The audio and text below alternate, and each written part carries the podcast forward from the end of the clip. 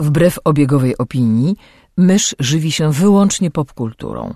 Jest zwierzęciem stadnym, które lubi dzielić się tym, co znajdzie ze światem. Jej naturalnym sposobem komunikacji jest przerywany śmiechem słowotok. Słuchacie podcastu Myszmasz. Drodzy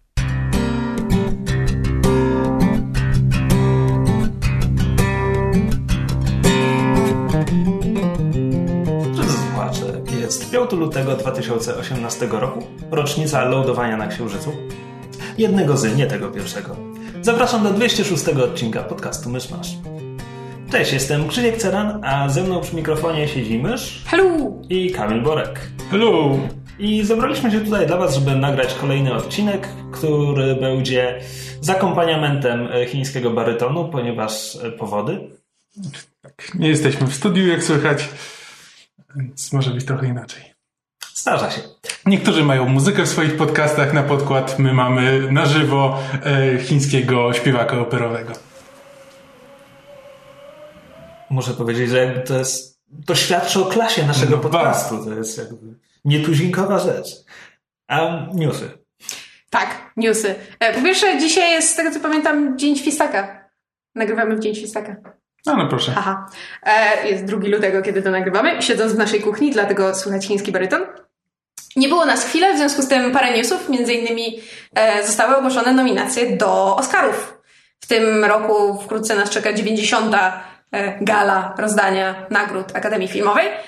No i głównym e, pretendentem do największej ilości nagród jest film The Shape of Water. Okej, ręka do góry, kto się tego spodziewał, bo dla mnie to było bardzo duże zaskoczenie. Znaczy, jeżeli ktoś by mi powiedział parę miesięcy temu, że film o tym, jak kobieta się zakochuje w... Slash fiction o Abrahamie Sapienie. Tak, dokładnie, to ja bym go wyśmiała, a z drugiej strony The Geek Shall Inherit the Earth. W związku z tym wszystko jest możliwe. Znaczy, filmu jeszcze żeśmy nie widzieli, bo premierę w Polsce ma chyba za Parę tydzień? tygodni albo za tydzień. Za tydzień albo za dwa. W każdym razie na pewno się na film wybierzemy i będziemy, będziemy omawiać w podcaście. W E, ogóle było parę niespodzianek, no bo Get Out też było tak, wszyscy się spodziewali, że jednak, znaczy, że fajnie by było, gdyby dostało, ale nikt się nie spodziewał, że rzeczywiście, rzeczywiście dostanie, bo jakby horrory zazwyczaj nie są oscarowymi filmami. Prawda, prawda. Logan, nominacja za scenariusz adaptowany. tak, tak. E, również... Równie dobrze mogli mu dać za scenariusz oryginalny, bo to po prostu ma tak mało wspólnego z komiksem Millara, że Prawda? Ale nie powiem, również mnie to w pewnym stopniu cieszy. Mamy e, piękny polski akcent w postaci nominowanego filmu. E, Twój Vincent? Tak, Twój Vincent po angielsku jest chyba Loving Vincent, e, którego też jeszcze nie mieliśmy okazji obejrzeć, natomiast słyszałam bardzo dużo dobrego i rzeczywiście wygląda absolutnie przepięknie. Z innych ciekawych rzeczy, no, obecnie nominowanym do Oscara filmów, e, filmu już po wsze czasy będzie można e, wymieniać The Boss Baby w kategorii animacji. Słuchaj, krzywisz się, ale widziałaś? Ja nie Nie, widziałem. nie widziałam, tylko jakby e, e, it's interesting. Myślałby kto, że były inne tytuły, które mogłyby się lepiej do tej kategorii na- nadawać. E, Shape of the Water miało 13 nominacji, drugie w kolejności pod względem e, ilości jest e, Dunkirk Christophera Nolana, e, a potem Three Billboards Outside Ebbing, Missouri, którego jeszcze też nie mieliśmy okazji obejrzeć, natomiast też było bardzo dużo e, dobrych recenzji. Meryl Streep będzie musiała ocierać łzy Stevena Spielberga swoją nominacją i 15 Tak. statuetkami. E, ale nominowano też parę mniejszych filmów, e, między innymi e, Lady Bird, Grety Gerwig, które zostało z kolei przegapione przy wcześniejszych różnych rozdaniach nagród e, w, w kwestii czego podniósł się pewien raban. Call Me By Your Name też dostało parę em, nominacji. Ten film między innymi będziemy dzisiaj z Kamilem obawiać, omawiać, obawiać, omawiać, e, ponieważ byliśmy na nim e, w kinie. Czy mamy jakieś przewidywania, jakichś faworytów e, osobistych, czy, czy po prostu jesteśmy otwarci na to, co nam los przyniesie? Wiesz co, no, no, darzę, darzę Guillermo del Toro sympatią, ale nie widziałem tego filmu, więc to jest takie trochę na ślepo, że o, miło. Mhm. Na razie też większości filmów oscarowych jeszcze nie, znaczy nie to, że w większości, ale nie widziałem Jeśli tego dobrze kojarzę, najnowszych. Alison Jenny ma nominację za rolę drugoplanową w. Aitania. O, bardzo czekam A, też na że ten bardzo film. lubię tę aktorkę, to oczywiście kibicuję, nie obejrzawszy filmu znowu. Znaczy to, to, to też w ogóle film zapowiada się bardzo fajnie, ma fajną, fajną obsadę, czekam aż będziemy mogli go zobaczyć. Znaczy, w, w aktorach to powiemy dokładniej czemu e, z, za moment, jak dojdziemy do Call Me By Your Name, ale e, Timothée Chalamet, gdyby dostał Oscara, byłoby bardzo fajnie, bo to bardzo uzdolniony młody chłopak. Tak. Nie, nie, nie mam teraz przed sobą listy, czy David Kaluuya ma nominację Tak. Ma, tak, jak No najbardziej. to też byłoby ciekawe. E, Z innych filmów też nominowanych, o Daniel których, Kaluuya, nie? Daniel. o Wiedziałem, że których warto wspomnieć, to jeszcze The Big Sick. Dostało nominację za em, oryginalny scenariusz. Co jest też A- bardzo miłe. To tutaj też tak z osobistych pobudek bardziej, ale to, to kibicuję. Nie no, ale przecież omawiałeś e, film w podcaście i bardzo go chwaliłeś. E, tak, ale nie pamiętam w tym momencie, co jest oprócz niego w tej kategorii, więc nie jestem pewien, czy najbardziej zasługuje, ale mm, tak, po prostu z, z czystej, e, z czystej e, no, osobistej Sympatii. e, sympatii do e, tego. Jezus Maria. E, Kumaila Nanjianiego tak, kibicuję. Dobrze. To w takim razie przechodzimy do kolejnych newsów. E, obrodziło się w parę trailerów. Zobaczyliśmy m.in. trailer do Ant-Man and Wasp. Czy The Ant-Man and the Wasp. Tak, ja Nie wiem, ile tam jest tych partykuł, czy jak to, to się nazywa. Czy Ant-Man i Osa. Człowiek mrówek i osa. E, Ja już się wyzłośliwiałem na fanpage, że to film z na który najmniej czekam. E, Przy czym ten zwiastun mi się podoba, on jest, jest spoko, tylko jakby poprzedni Ant-Man był. Dobrze się bawiłem w kinie i mam kompletny, kompletnie zerowy stosunek emocjonalny po wyjściu z kina do filmu, postaci, aktorów, absolutnie wszystkiego. Więc obejrzę, bo tak, to już jest uzależnienie od, od cyklu. Ale... Syndrom sztokholmski. Tak. Już zaawansowany. No wszyscy to mamy. E, Z trailerów pojawił się też kolejny trailer do sequela Pacific Rim, co dla mnie było o tyle ciekawe, że do tej pory ten film po mnie spływał. Wszelkiego rodzaju zmiany, które były, że tak powiem, e, wprowadzane i o których, których się tam w wiadomościach e, mówiło po odsunięciu się Guillermo del Toro od, od projektu jakby bardzo mnie martwiły. Natomiast teraz e, wreszcie ten trailer sprawił, że zaczęłam się z powrotem jarać. To znaczy miałam bardzo silne skojarzenia z em, trailerami e, Transformersów Michaela Bay'a, no bo to są Właśnie. duże roboty walczące z dużymi potworami, ale it looks fun, to znaczy jakby mają sporą obsadę, będzie się tam działo, przynajmniej tak to wygląda. Znaczy, no to, to, A czy to będzie dobry film? Ja mam taki mały problem właśnie ze względu na podobieństwo do Transformerów, bo Pacific Rim bardzo mi się podobało to, jak tam zrealizowano walki, jak tam zrealizowano te wielkie maszyny, jegery, bo one, to wszystko było malowane w komputerze, jasne, ale zrobili to tak, że było czuć masę Tak. tych, tych maszyn. Były A w takie tym powolne walki, to jest jakby można było zobaczyć, co się dzieje na ekranie, Tak, każdy dokładnie. zamach. A, a w tym zwiastunie, no one już kręcą te fikułki, co Transformery ubeja i to nie wygląda dobrze.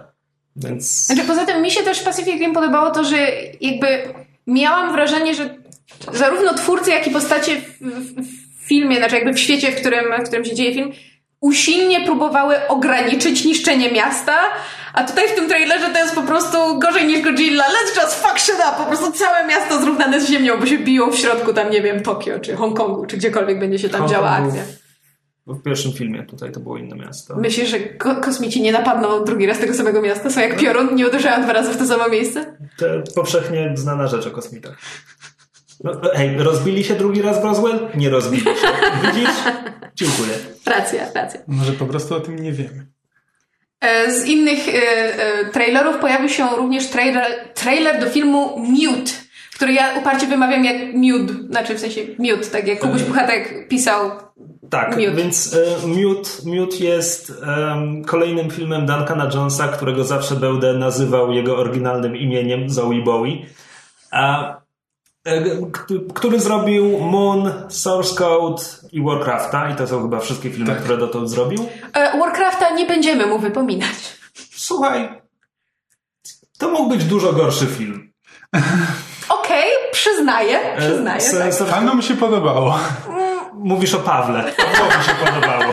Dobra, fair enough. E, s- Source Code nie widziałem, więc nie oceniam. Natomiast Moon Ja Source był... Code widziałem, to jakby to, to nie jest jakieś wybitne kino, ale bardzo dobra rozrywka. No Moon był znakomitym filmem o zasadniczo górniku, który siedzi na księżycu i popada w depresję i manię i różne inne rzeczy. I Moon jest znakomity, polecam wszystkim. Warto zarówno dla sama Rockwella, jak i Aha, już, już go nie lubimy. Może kiedyś Christopher Plummer zdubbinguje tę postać.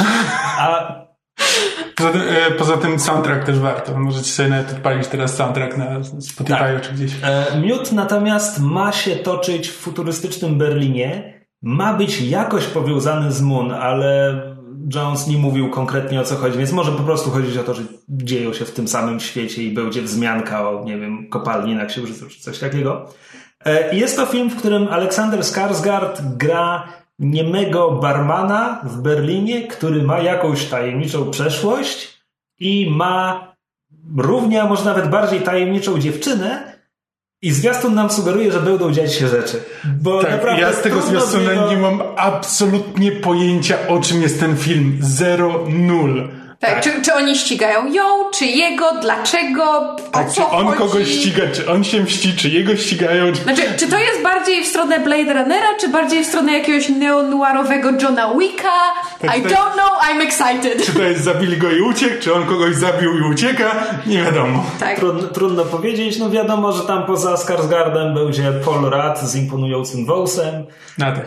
E, no czekam. E, szczerze mówiąc, ja zapomniałem, że ten film powstaje i kompletnie nie byłem świadomy, że on powstaje dla Netflixa. Bo on tak, zdaje się, że pod koniec, pod koniec lutego ma premierę i po prostu każdy będzie mógł sobie w domku obejrzeć. Co E, pewnie niechybnie zrobimy. Na pewno. E, Z newsów em, około remake'owych e, pojawiła się informacja, że pojawi się, pojawiła się informacja, że się pojawi. Mhm. Well done. Em, Amerykanie zamierzają nakręcić serialowy remake What We Do in the Shadows. E, mockumentary komediowego stworzonego przez Taika Waititi, Waititiego. Tak, znaczy z zupełnie nową obsadą, więc jeszcze nie wiadomo jak to będzie wyglądało. Nie wiadomo właściwie jak to się ma mieć do materiału źródłowego, czy to będzie... Ja mam jeszcze jedno pytanie. E, nie wiadomo właściwie po co to robią. Tak, to, To znaczy, jeśli chodzi o amerykańskie remake'i em, Czegokolwiek. czegokolwiek. Nie, nie bądźmy jest tacy, tacy o, ostrzy. amerykański remake Office był przez pierwszych parę sezonów e, całkiem udany. Znaczy, to jest, to jest hit and miss. To znaczy, równie wiele mam wrażenie seriali e, w wersji amerykańskiej im wychodzi, co nie wychodzi, tylko o tych, które nie wychodzą jest jakby Tak, e, tylko- głośniej. Znowu, seriali What We Do in the Shadows jest tam, nie wiem, półtora czy dwugodzinny mockumentary i to jest jakby, dla mnie to jest absolutne maksimum tego, na ile można rozciągnąć ten pomysł. Tak, ja się z tym zgadzam, więc ja jestem pełna, pełna wahania, tym bardziej, że jakby ja jestem jedną z tych osób niestety, które nasłuchały się trochę za dużo hype'u o What We Do in the Shadows i kiedy ostatecznie film obejrzałam, trochę po mnie spłynął, ale też może dlatego, że ja jakby bardzo lubię filmy o wampirach, widziałam ten temat omawiany już w wielu różnych konwencjach, także jakby prześmiewczych czy parodystycznych i bardzo wiele żartów, które w What We Do in the Shadows się pojawiły, już gdzieś kiedyś widziałam i dla mnie to było takie, no, no fajnie, no wrzuciliście wszystko do jednego filmu, ale jakby nic ponadto. Poza tym też mam wrażenie, że trochę nowozelandzki humor niekoniecznie do mnie trafia, przynajmniej nie, nie we wszystkich e, przypadkach. Więc obserwuję te, że tak powiem, e, newsy e, pełna, pełna wahania. Tak, warto jeszcze wspomnieć, że to jakby wychodzi w dodatku do tego, że wciąż powstaje spin-off o wilkołakach. Znaczy w e, formie filmu, tak. Tak, który ma być e, kontynuacją What We Do in the Shadows. Od tych samych twórców. Tak. Ale to akurat mogłabym obejrzeć, bo mimo wszystko wilkołaki są rzadziej poruszanym Znaczy, tak, tematem niż wampiry. To, to mi się wydaje zupełnie, dużo lepszy pomysł niż Tak. amerykański remake tego samego. E, Jak to było? We're, were, we're werewolves, not swearwolves. Tak jest. O, za dużo R w tym zdaniu. I z innych newsów, ciekawych, ale również e, napełniających mnie e, e, wahaniem i lękiem, e, pojawiła się informacja, że Ryan Reynolds e, będzie producentem i główną gwiazdą remake'u filmu Clue, który jest chyba Znaczy, który jest Je- je- adaptacją gry planszowej Cluedo. Chciałam nawiązać do tego, że chyba jest to bodajże jedyna adaptacja gry planszowej w Jak filmie. A Battleship? No właśnie. Nie dałeś mi skończyć. Jedyna adaptacja gry planszowej film, która była dobrym filmem. A wiesz co, nie widziałem ani jednego, ani drugiego, więc się nie Clue jest fenomenalny. E, Clue jest Dobrze, dobrze kojarzę, że to był film, który miał cztery różne zakończenia Tak. i w różnych kinach trafiało się na Tak, różne. tak. I potem ludzie się ze sobą dogadywali Czy- i się okazywało, że widzieli inne filmy. Reynolds chce to zrobić jako film kinowy, bo jakby to rozwiązanie wydaje mi się dużo łatwiejsze do zrobienia w dobie streamingu, Netflixów i innych takich. Zwłaszcza biorąc pod uwagę e, na przykład ostatnio wyszły serial e, bodajże Mosaic, który właśnie też wychodził z założenia, że zależnie od tego, jakie widz podejmuje decyzję, ogląda inną linię prowadzenia e, fabuły. To nie, niedawno wyszedł taki serial. Z tego co wiem, w formie filmu wstępnie podobno mają nad scenariuszem pracować panowie od Deadpoola. Więc jest nadzieja, to znaczy inaczej. Clue jest filmem specyficznym, moim zdaniem absolutnie fantastyczną komedią i pod wieloma względami jest filmem kultowym, przynajmniej w, w Stanach. Natomiast ja mam sporo zaufania do, do Ryana Reynoldsa i jakby tego, jak on czuje komedię. I wydaje mi się, że on jest jedną z tych osób, które mając bardzo duży sentyment do tego filmu i, i, i, i żywiąc do niego wiele sympatii, będzie w stanie może jakoś w miarę dobrze ten, ten materiał ugryźć. No ale zobaczymy, bo to jest na razie wszystko jeszcze w, w fazie powiachów. To, to, co powiedziałeś, że w dobie streamingu to był dobry pomysł, w sumie mogłoby działać tak, że masz po prostu przypisany do konta na Netflixie na przykład jedną wersję tego filmu i jeśli chcesz zobaczyć drugie zakończenie, to musisz namówić znajomych, żeby obejrzeli z tobą na ich koncie i wtedy możesz zobaczyć drugą wersję. Znaczy z jednej strony tak, a z drugiej strony biorąc pod uwagę jak e, powszechne jest jakby dzielenie się hasłami nawzajem do swoich kont tak, na Netflixie tak. i innych serwisów streamingowych, to po prostu wystarczyłoby pod tytułem ej stary daj login, nie? Nie, oczywiście, że tak. Ale to, to by była fajna, znaczy to byłby mądry pomysł na, na kampanię promocyjną. Tak, dokładnie. Bardziej w, ty, w tych kategoriach o tym myślałam. Tak.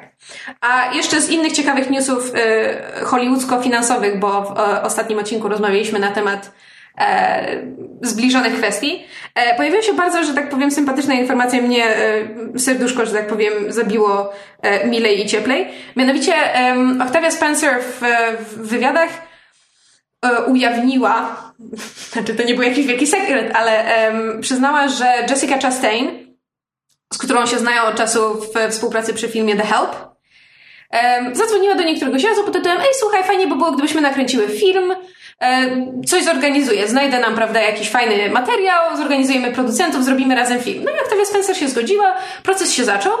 Po czym w pewnym momencie w trakcie tego procesu Octavia Spencer się przyznała Jessica Chastain, że jakby nie podały, nie wiem czy podały sobie dokładne kwoty, no ale jakby wyszła rozmowa pod tytułem, że ale czy wiesz, że czarnoskóre aktorki zarabiają o wiele, wiele mniej niż aktorki białe. No i jakby rozmowa wyszła na zasadzie, że no tak, no, no głupia sytuacja, strasznie to jest kiepskie i tak dalej. Po czym Jessica Chastain zrobiła tak, że zawarła klauzulę, jeśli dobrze rozumiem prawne aspekty, zawarła klauzulę w swojej umowie, gdzie jej udział w filmie jest powiązany z Octavia Spencer i mają takie same pensje, co oznacza, że Octavia Spencer w tym momencie, zgodnie z, z jej e, wyznaniem na Twitterze, e, zarabia pięć razy więcej, znaczy zarobi pięć razy więcej na tym filmie. I to jest jakby też niesam, to jest niesamowita sytuacja z tego względu, że jakby pokazuje jakby po pierwsze, że um, białe aktorki, czy w ogóle biali aktorzy są w stanie przedsięwziąć pewne kroki, żeby pomóc w wyrównaniu tego e, przedziałów, że tak powiem, e, kasowego, finansowego, zarobkowego. O, to jest to słowo, którego szukam. E, i, I że jakby są kroki, które można przedsięwziąć w tym kierunku i miejmy nadzieję, jest to jakby pierwszy krok z wielu. Mm. Może, może to się stanie jakimś precedensem. W każdym razie mnie to bardzo, bardzo, bardzo mnie ta wieść ucieszyła. A nie mogło trafić na lepszą osobę, bo też ostatnio był news o tym, że Octavia Spencer e, wykupiła e, pokazy Black Panthera w, e, w, biednych, w, w, biednych dzielnicach, tak żeby każdy mógł, e, mógł go obejrzeć niezależnie od tego, czy stać go na bilet, czy nie. I taką samą akcję zrobiła przy okazji premiery e, Hidden Figures, znanego w Polsce jako ukryte działania. Więc nie jest, nie jest na świecie, słuchajcie, jeszcze tak źle, jakbyśmy wszyscy myśleli. E, bywam rocznie, ale są, są promyczki nadziei. I to chyba tyle z newsów. Przechodzimy tradycyjnie do omówienia tego, co kto ostatnio skonsumował. E, to ja bym chciał się tutaj wstrzelić, ponieważ zapowiadałem w poprzednim odcinku, że jeszcze wrócę do powieści Altered Carbon po polsku modyfikowany węgiel albo modyfikowalny, nie jestem pewien, autorstwa Richarda K. Morgana, na której podstawie Netflix za moment wypuści serial. Ale już nie wypuścił? Albo już wypuścił. Mam wrażenie, nie że, wiem. że twoja dziewczyna pisała na Facebooku, że chyba No już tak, no wypuścili. bo ona dostała odcinki przed... Nie, ale Aha, w sensie, że- że, że całość już. 2 lutego, tak jak dzisiaj to nagrywamy. To Dzień Świstaka, trafia. kochani, Dzień Świstaka. Tak, dobra, już, już wszystko wiem. E, no i e, mówiłem w poprzednim odcinku jeszcze raz o co, o co chodzi. To jest tam jakiś, nie wiem, XXIV wiek. Ludzie odkryli technologię, żeby zapisywać w postaci elektronicznej zasadniczo ludzką świadomość. I każdy zaraz w momencie narodzin ma wszczepiany taki chip w, po, w podstawę czaszki, który, który sczytuje te sygnały. I te sygnały można potem Przeszczepić. przeszczepić, ale też można na przykład przechowywać w postaci cyfrowej czyjąś świadomość na twardym dysku, e, więc na przykład więzienia tak wyglądają, że po prostu Mas. sczytuje się te świadomości. Tak, tam jest też jakaś wirtualna rzeczywistość, w której te świadomości mogą egzystować i tak dalej. E, A tymczasem ciała takich, dajmy na to, więźniów są do wynajęcia przez kogoś innego, kto chciałby swoją świadomość e, wtłoczyć do nowego ciała. W tym świecie jest też klonowanie, więc niektórzy po prostu wtłaczają swoją świadomość do sklonowanych ciał i tak dalej. I chodzi o to, że bardzo bogaty człowiek e, został zamordowany albo sam się zabił, nie wiadomo. Policja mu mówi, że on sam się zabił. Mówi mu, ponieważ oczywiście e, jego, jego świadomość została wgrana w nowe ciało, tak? Tylko tam ze względu na metodę zapisu on ma teraz 48-godzinną lukę w pamięci pomiędzy tym ostatnim save'em, a tym, kiedy, kiedy jego poprzednia wersja zabiła się albo została zabita. Więc on ściąga na ziemię z, z jakiegoś tam skolonizowanego świata tożsamość Takesiego Kowacza, który był takim super specjalnym żołnierzem na tę nową epokę. To są. Tam jest całkiem spory, całkiem spora historia dopisana do tego, kim byli ci, ci żołnierze i tak dalej. Chodziło o to, że mieli być wysyłani do skolonizowanych światów, ponieważ to jest science fiction, w którym statki podróżują, nie wiem, setki lat czy coś tam, żeby pokonać kosmiczne odległości, a informacja jest przekazywana o wiele, wiele, wiele szybciej. Więc oni byli wysyłani, żeby ich świadomości były wysyłane, żeby mogli wejść w nowe ciało na nowej planecie i przechodzili taki specjalny, rygorystyczny, mentalny trening, żeby bardzo szybko się orientować, gdzie są, o co chodzi i tak dalej, co z biegiem okoliczności czyni z Takesiego Kowacza znakomitego detektywa do wynajęcia do tej sprawy.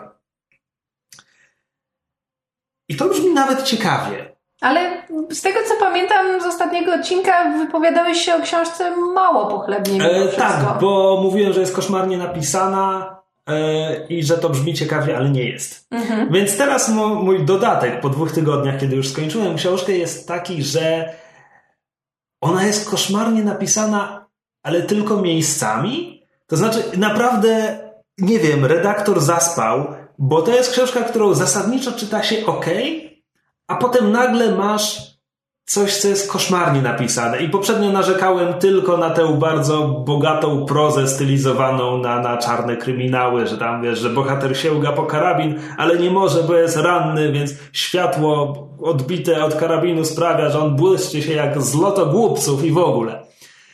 Więc to. Bardzo anelwowskie. Tak, więc, więc to był po prostu taki, taka, nazwijmy to, stylizacja na, na noir. Ale potem są też zdania w rodzaju ich wzajemne antagonizmy przyciągnęły się na orbicie grawitacyjnej niczym dwie komety. Po prostu bełkot. Koszmarny, koszmarny bełkot. Kosmiczny wręcz. E, I naprawdę nie wiem, co się stało z redaktorem w tym, w tym miejscu. Więc to jest książka, która czasami po prostu poraża tym, jak źle jest napisana, ale to jest tylko czasami, to jest raz na kilkadziesiąt stron. No dobrze. Więc to jest bardzo dziwne. A wnioski z finału, bo skoro skończyłeś, to czy ten finał jakoś to wynagradza? Tak, bo powiedzmy w ostatniej ćwiartce zaczyna się robić ciekawi. Po pierwsze to jest kryminał z tego typu, gdzie bohater chodzi i ktoś mu obija ryj co, co chwila, a w końcu ktoś mu obije ryj tyle razy, że coś mu tam w mózgu kliknie i on już wszystko wie.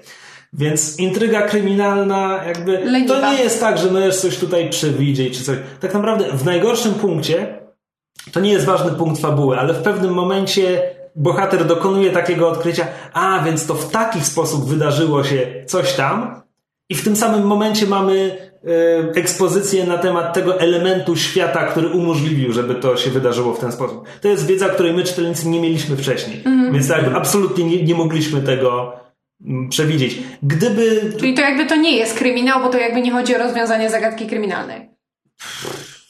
Chodzi, ostatecznie chodzi o rozwiązanie, jakby rozwiązanie Ale nie w zagadki tym sensie, finałem. że autor nie daje czytelnikowi tych samych wska- znaczy wskazówek, żeby czytelnik No sam tak, mógł rozwiązać zagadkę. klasyczne kryminały Agaty Christie i tak dalej są konstruowane w ten sposób. Znaczy, no nie tylko Agatha Christie tak pisała, wiele kryminałów No jest tak, ale- skonstruowanych.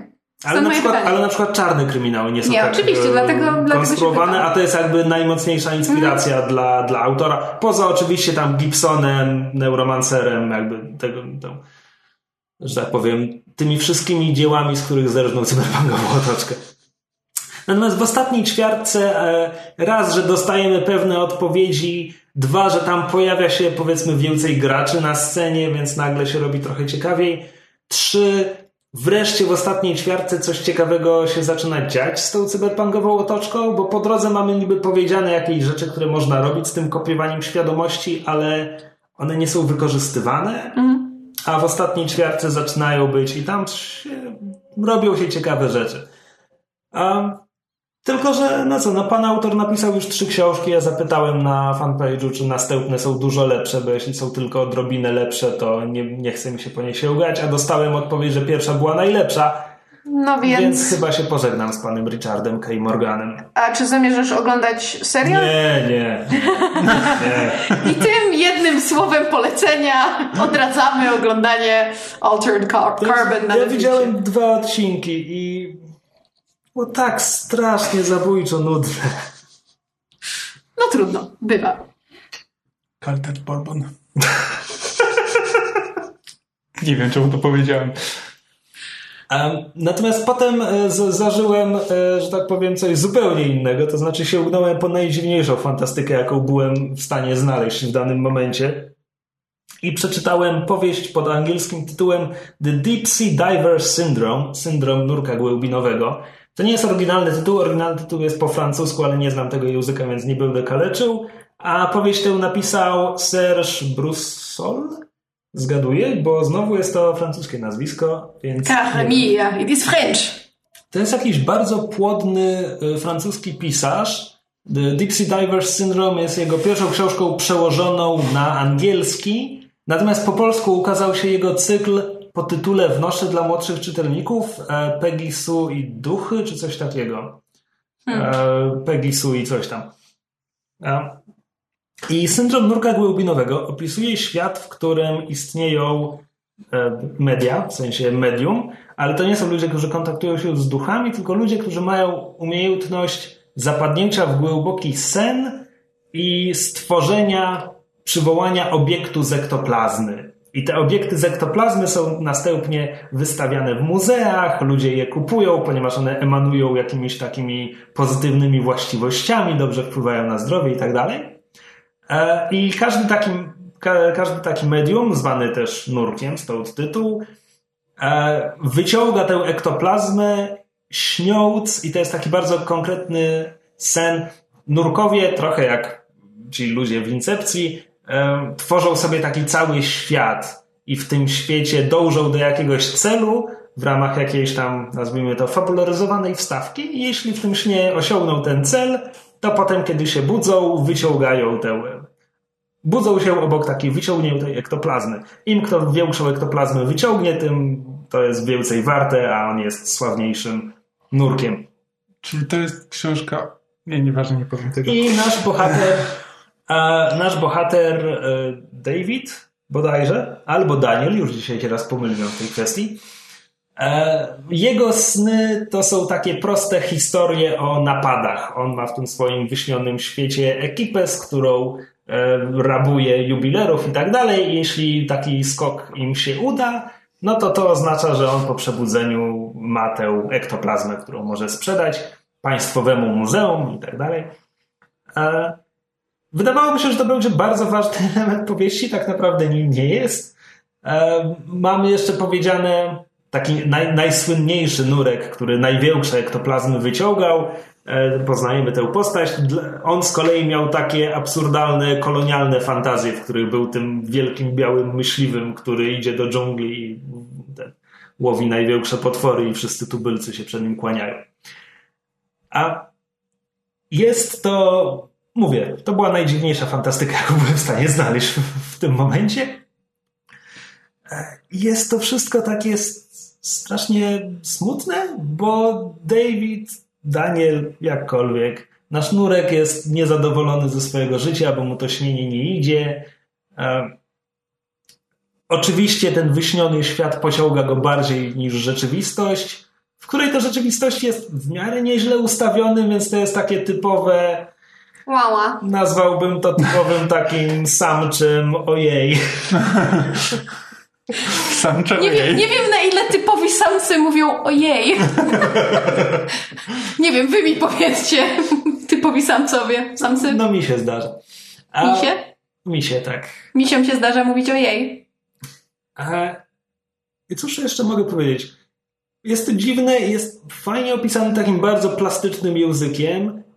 Z jednej strony, z drugiej strony ten fajny plastyczny język to jest też ściana tekstu. To znaczy, tu jest bardzo mało dialogów, to jest często tak, że przez ileś tam stron masz po prostu blok tekstu, e, który ci no, tam snuje swoją narrację.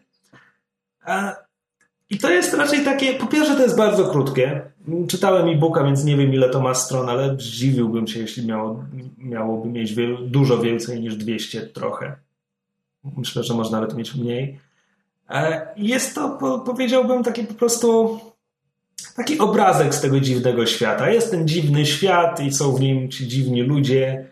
E, I bardzo dobrze mi się to czytało w sumie. A jak na to trafiłeś? Skąd ci się to wzięło? A, to jest kolejna e, ten wiesz, lista IO9, najlepsze, najdziwniejsze książki, które się akurat ukazują. No właśnie byłam ciekawa, skąd, jak trafiłeś na tę bardzo dziwną książkę? Tak, tak, z tej listy, mówię, parę razy trafiłem na bardzo złe rzeczy, parę razy trafiłem na rzeczy pokroju Altered Carbon, a czasami, no tak. czasami na coś, co oceniam zdecydowanie bardziej pozytywnie. O, to tyle. Syndrom nurka głębinowego. No więc myśmy z Kamilem byli na filmie Call Me By Your Name na który ja czekałam od wielu, wielu miesięcy, od momentu, kiedy się dowiedziałam, że powstaje. I nawet w ramach przygotowania do e, seansu przeczytałam książkę, na której film jest oparty, pod tym samym tytułem, Call Me By Your Name. E, I jest to e, książka autorstwa Andrea Acimana, e, opowiadająca o powoli rozkwitającym romansie między 17-letnim e, chłopcem mieszkającym w, czy właściwie wakacjonującym we Włoszech razem z rodzicami, e, a nieco starszym, e, że tak powiem, to się nazywa chyba research assistant, basically studentem czy też doktorantem, który tam przyjeżdża do, do rodziny naszego bohatera, żeby tam spędzić wakacje i pomóc E, ojcu bohatera w, w badaniach naukowych. Czy tak staje, że profesor, ten profesor wybiera sobie co roku najzdolniejszego studenta, żeby mu pomagał właśnie przy badaniach? Tak. E, I e, ponieważ film dotyczy, że tak powiem, męsko-męskiego romansu, w związku z tym automatycznie wpadł w szufladkę pod tytułem myszy zainteresowania i wszelkiego rodzaju sympatie. E, ale także dlatego, że w rolę e, starszego e, z mężczyzn, czyli Olivera, młodszy bohater nazywa się Elio, w rolę Olivera wciera się... Ar- wciera się... Wciera się. Nie, wcieranie tam dotyczy zupełnie czego innego. Wciela się Armie Hammer, do którego e, żywią bardzo wiele ciepłych uczuć. Kochanie, udawaj, że nie słyszysz. Ciebym nie wiedział. Prawda? E, ja może zacznę, ponieważ, e, jak mówiłam, przeczytałam książkę i książka jest absolutnie przepiękna. To znaczy, e, do tego stopnia e, byłam zachwycona doświadczeniem czytania jej, że w momencie, kiedy wiedziałam, że zostało mi jakieś 20% książki do, do przeczytania, odłożyłam ją na pół roku. Ponieważ tak bardzo nie chciałam się jakby rozstawać z bohaterami i, i z ich perypetiami i tym, jak rozwija się ich uczucie, jak ta książka jest napisana. Aciman ma bardzo opisowy język, a z drugiej strony, ponieważ jest to pisane z punktu widzenia Elio, naszego 17-letniego bohatera, to jest w pewnym sensie tak po nastolatkowemu egzaltowane. e, i szalenie dramatyczne, no bo prawda, pierwsza, pierwsza taka wielka miłość, na dodatek w pewnym stopniu, może nie zakazana, ale jednak jest tam pewne wahanie, no bo nie wiadomo do pewnego momentu, czy Oliwier jego uczucia e, odwzajemnia. Natomiast jest on napisany pod wieloma względami w takim trochę, e, w postaci takiego strumienia świadomości. W związku z tym bardzo często są zdania siedemnastokrotnie złożone, które zajmują No. półtorej strony. E, I język angielski jest tak skonstruowany, że w momencie, kiedy mamy na przykład przemyślenia doty- dot- dotyczące dwóch męskich bohaterów i co chwilę jest przerzucane hi, hi, hi, w pewnym momencie tracisz e, rachubę tego, kto co powiedział albo kogo dotyczy zdanie. I początkowo bardzo mi to przeszkadzało i zaczęłam się też zastanawiać, jakby sobie z tym poradził polski tłumacz, e, przekładając książkę na język polski. Zresztą chyba już jest przełożona, albo właśnie ma, ma być przełożona w związku z e, filmem. Ja, ja mógłbym to przetłumaczyć, bo ja naturalnie piszę strumieniem świadomości i piszę wielokrotnie zdania złożone, do których później dopiero dostawiam kropki, jak się zorientuję, że nie wstawiłem żadnej pod pół strony. oraz sens też dostawiasz. E, znaczy w pierwszej chwili mi to przeszkadzało, natomiast e, w pewnym momencie zdałam sobie sprawę z tego, że świadomie albo nieświadomie autor e, jakby odniósł się do tytułu książki, ponieważ e, tytułowe Call Me By Your Name dotyczy e, specyficznej sytuacji, która, która zachodzi między naszymi bohaterami. W trakcie któregoś ze zbliżeń e, jeden z nich wysnuwa pro, propozycję, że, że ja się będę zwracać do ciebie swoim imieniem, a ty mnie nazywaj moim. E, I jakby to właśnie takie zlewanie się obu bohaterów jed- jednego w drugiego w ten sposób zostało w warstw- w warstwie, że tak powiem, tekstowej oddane w książce, co, co ostatecznie bardzo mi się podobało. I znaczy, nie wiem, czy niestety, czy, czy stety, e, książka od początku nas uprzedza, że to jakby nie jest szczęśliwa historia miłosna. To znaczy, jakby oni mieli wspólne wakacje, no ale wakacje się kończą, więc wiadomo, że Oliver w pewnym momencie wyjedzie, to znaczy jakby wróci, wróci do Stanów.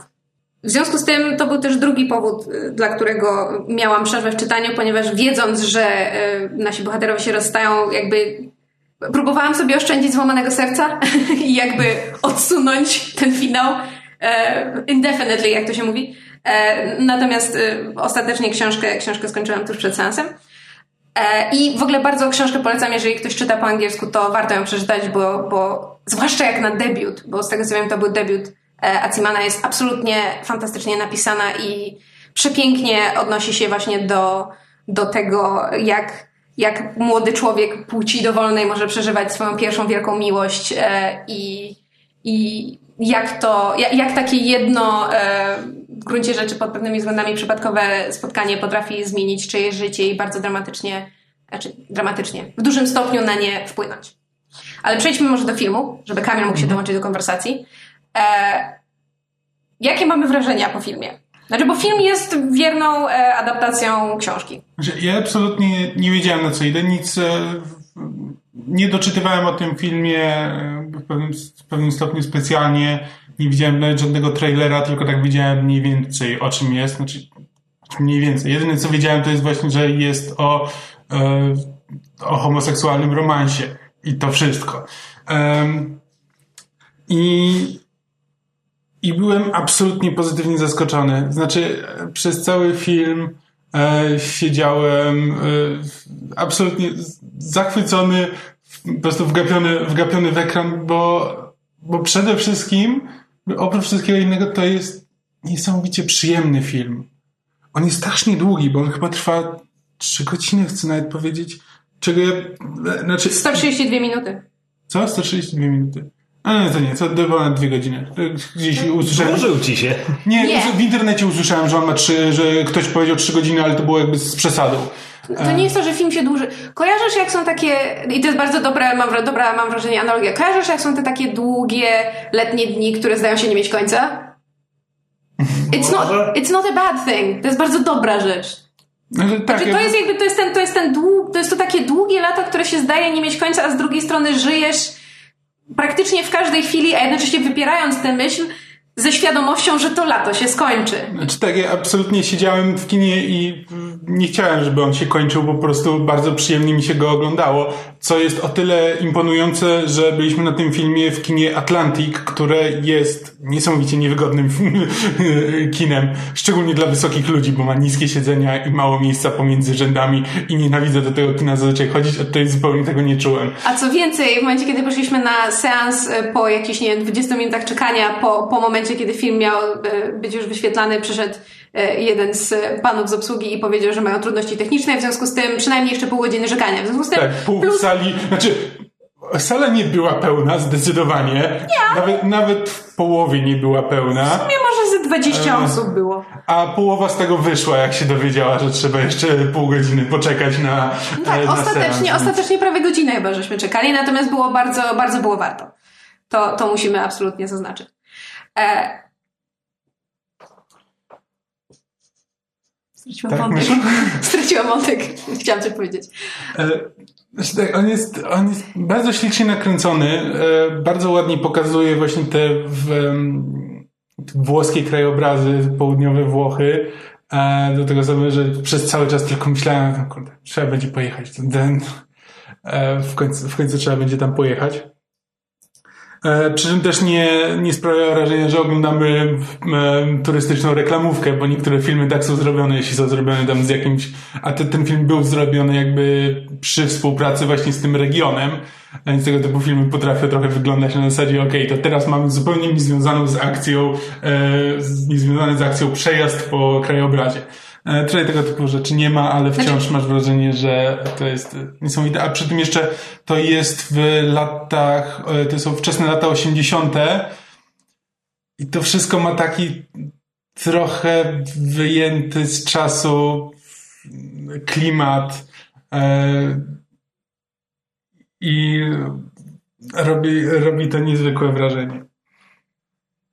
To znaczy, z tego co wiem, zabieg, żeby to jakby nie była właśnie taka widokówka, czy, znaczy jakby, że to nie była reklamówka, tylko właśnie raczej jak taka stara, troszeczkę wypłowiała widokówka, był zamierzony zarówno z punktu widzenia e, Asimana, który chyba nigdy w książce nie określa dokładnie, jak się nazywa miasteczko, w pobliżu którego e, mhm. mają ten dom, e, dom, nazwijmy to letniskowy, rodzice Elio, e, gdzie się dzieje akcja i twórcy filmu podjęli bardzo podobną decyzję, bo mimo, że film cały był kręcony, co zresztą wiadomo, w, w Kremie, we Włoszech, to samo jakby miasteczko nigdy nie jest nazwane. Region też jest właśnie tylko określony jako przepraszam, południowe Włochy. I zresztą ten, to jak film jest e, nakręcony jest bardzo specyficzne, bo ja właśnie miałam skojarzenia z takimi wypłowiałymi fotografiami właśnie z lat 80., jak czasami można zobaczyć w niektórych amerykańskich filmach, na przykład z jakiegoś e, obozu dla młodzieży. Są takie troszeczkę przekoloryzowane na żółto e, fotografie i film, mam wrażenie, jest nakręcony w bardzo, e, w bardzo podobny sposób. Zresztą ma piękną, piękną czołówkę, bardzo taką, e, mam wrażenie, nietypową. I zresztą napisy końcowe, do których, o których wspomnimy na sam koniec. Natomiast nie oszukujmy się, piękne widoki, pięknymi widokami i, i, i, to, jak film jest nakręcony, jest bardzo istotne. Natomiast najważniejsza jest relacja rozgrywająca się między, między Elio a Oliwierem. I tutaj muszę powiedzieć, że początkowo byłam pełna wahania, ponieważ zresztą w książce to też jakby się pojawia, natomiast ponieważ obserwujemy wydarzenia z punktu widzenia Elio, czytamy jego przemyślenia, w związku z tym mamy jakby większy wgląd w jego wewnętrzne przeżycia i to, jak on, e, jaki jest jego stosunek do Oliwiera, co mu chodzi po głowie, jak to wszystko wygląda z jego punktu widzenia. Natomiast w filmie to jest e, dość ograniczone, w wyniku czego pierwsze interakcje bohaterów przez jakąś pierwszą, jedną trzecią filmu są dość Powiem tak, trochę niekomfortowo mi się je oglądało, z tego względu, że już znałam tych bohaterów i bardzo chciałam ich lubić, bo jakby chciałam kibicować historii ich, ich zauroczenia i, i miłości. A obaj, kurde, wychodzili trochę na buców.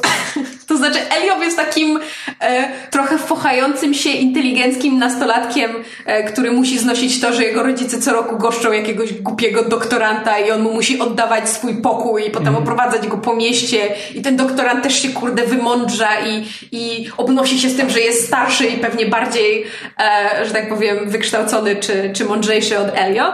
A z kolei Oliver właśnie wychodzi na tego takiego wymądrzającego się, e, że tak powiem, buca, który jeszcze na dodatek e, olewa tego naszego młodego bohatera, który mimo tego, że, że e, jakby nie do końca żywi do niego e, pozytywne uczucia, przynajmniej początkowo, to jednak jakby chciałby, chciałby, żeby ten starszy kolega zwrócił Znaczy- na niego uwagę, nie? Tutaj E- Elliot ma taką typową jakby nastoletnią postawę na zasadzie, że chciałby go lubić, ale ponieważ podejrzewa, że on go nie lubi, to udaje, że nie, nie, on go wcale nigdy nie lubił i on, on jest jakiś dziwny i fe.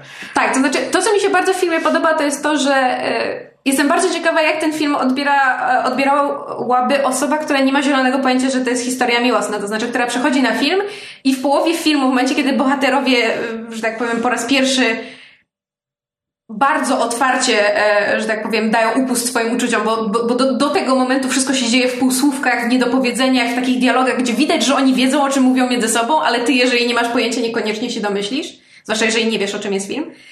Zastanawiam się, czy ktoś byłby się w stanie zorientować właśnie, że to jest historia takiego powolnego, pełnego na początku nieporozumień, zauroczenia, bo mam wrażenie, że film specjalnie to rozgrywa w taki sposób, że tego nie widać. To znaczy, w momencie, kiedy w drugiej połowie filmu bohaterowie prowadzą ze sobą e, pod tytułem Nie miałem pojęcia, że ci się podobam, nie miałem pojęcia, że, że, że mnie lubisz albo że cokolwiek do mnie czujesz, rzeczywiście to widać we wcześniejszej części. To znaczy, trudno jest to w ogóle odczytać.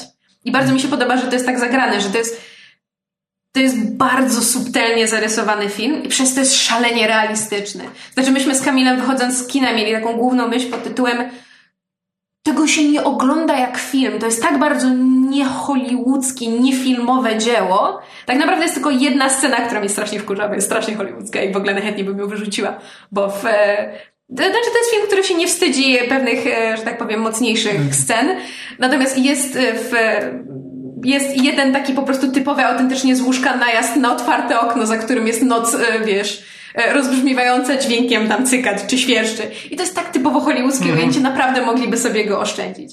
Ale pod innymi względami to jest po prostu film, który ogląda się jak historię poznania i zauroczenia i miłości dwójki ludzi. Jakby płeć już w tym momencie przestaje być istotna. I w pewnym sensie jest też mniej istotna dla głównych bohaterów. Oczywiście są kwestie tego, że, e, że homoseksualizm jest w pewnym sensie e, tabu i, i, i jest postrzegany jako coś negatywnego. Natomiast to, o czym też rozmawialiśmy z Kamilem po seansie, to jest to, że jakby film Znaczy, to, to jest, nie jest sztucznie dramatyczny. On nie rzuca bohaterom kłód pod nogi także w kontekście tego, że są dwójką mężczyzn. Tak, jakby film przyznaje, że jakby ogólna atmosfera jest taka, że no to są właśnie, jak mówiłem, wczesne lata 80., więc to jeszcze jest postrzegane jako, jako coś dziwnego w większości, szczególnie właśnie we Włoszech, które mm, są, no, to dziw, no, to dziwna, e, dziwna kultura. Znaczy nie chcę, nie chcę powiedzieć, że w, że w Włoszech jest dziwna kultura, ale to jest Kult, to jest taka i tak dalej. Tak, ale to jest taka bardzo, bo chciałem powiedzieć, że to jest konserwatywna dosyć, ale też, y, ale nie, nie do końca, no właśnie, bo to jest, to jest dosyć, jest dosyć liberalne, ale nie w kontekście jakby y, ról płciowych. E, więc e, z jednej strony film to przyznaje, ale też bohaterowie w ogóle nie funkcjonują w tym systemie. Oni są jakby zarówno rodzice, rodzice Elio, em, jak i całe otoczenie jest jest otwarte. Jakby nie mamy wątpliwości, że to nie polega na tym, że Elio się na przykład boi przyznać do czegoś rodzicom. E, I że to nie byłby problem. Że problemem jest tylko ogólne społeczeństwo, nie najbliższe otoczenie bohaterów. Albo nawet w jeszcze mniejszej skali, jakby, znaczy problemem. Kwestią jest to, że to, to nie jest to, że to są dwaj mężczyźni, to jest kwestia tego, ja nie wiem, czy on mnie też lubi. To jest jakby, Znaczy, to inna jest sprawa, rozegrane tak, na, takim, ale- na takim poziomie pod tytułem właśnie pierwsza miłość, pierwsze wątpliwości i, a, a nie kwestia tego, że to jest relacja homoseksualna. To- Zresztą jakby film em, sugeruje, a w książce jest, em, z tego co pamiętam, eksplicite powiedziane, że obaj mężczyźni uprawiają również seks z kobietami, więc jakby to, czy oni są homoseksualistami, czy oni są biseksualni, jakby nie jest Mhm. nigdy e, do końca e, powiedziane. Są otwarci na różne e, rodzaje Nie, tak, przy po prostu to, że oni nie mówią, nie chcą nikomu powiedzieć i jakby uważają na to, żeby nikt się nie dowiedział, nie wynika z tego, że boją się jakichś konsekwencji w swoim otoczeniu, tylko po prostu to jest taki bardziej zinternalizowany e, zinternalizowany strach przed tym, co ogólnie ludzie pomyślą i e, co ich może czekać tak, tak ogólnie, a nie z, z ręki tych, którzy ich otaczają. Tak, zresztą jakby e, jedną z piękniejszych i istotniejszych scen w filmie jest w, już blisko finału jest scena, w której jakby ojciec Elio go bierze na rozmowę, tu robię królicze uszka, bo oczywiście okazuje się, że, że, że rodzice wiedzieli, domyślili znaczy, się. Znaczy to widać przez cały film, bo tam jest tak. wiele takich scen. Znaczy jest nawet taka scenka, w której, bo wiemy, w ogóle rodzina Elio jest bardzo kosmopolityczna, bo oni e, mówią, oni są z Ameryki pochodzą? Czy... ojciec e... chyba Amerykaninem, matka jest francuską, a ponieważ wakacjonują we Włoszech, w związku z tym w, w filmie leci cudowna mieszanka e, angielskiego, francuskiego i włoskiego i brzmi to przepięknie. A przy tym, a przy tym Elio i jego matka, nie wiem jak ojciec, są Żydami. E, I tak samo... Oliver też. Tak, i Oliver też, jak przyjeżdża, to właśnie Oliver, Oliver nosi na szyi e, gwiazdę Dawida. E, I Elio, Elio mówi mu, że też taką ma, ale jej nie nosi. I w momencie, kiedy ją w którymś momencie zakłada, to jakby matka, matka tam z nim rozmawiając, tak właśnie bierze to do ręki, o, założyłeś tę gwiazdę. I jakby i po prostu w tej scenie jakby widać w tym, jak, w tym, jak ta matka na niego patrzy, z tym, jak to rozmawiają, widać, że to, to, to, to nie jest tylko, to jest jakby taka większa metafora na to, że Elio powoli przestaje się bać tego, kim jest e, i Oliver to z niego wyciąga w pewnym, w pewnym stopniu. To są takie ładne, drobne, drobne rzeczy przez cały film i właśnie, które też pokazują, że rodzice czegoś się domyślają, e, że, że nie mają z tym większych problemów e, i te, jest po prostu wiele takich, wiele takich drobnych scen i to jest jakby największa zaleta tego filmu, że to nie jest taki typowy melodramat, w którym na drodze e, na drodze dwójki bohaterów są ciągle im rzucane jakieś kłody pod nogi, bo, a to, bo ktoś się dowiedział, ktoś czegoś podsłuchał, ktoś czegoś nie zrozumiał.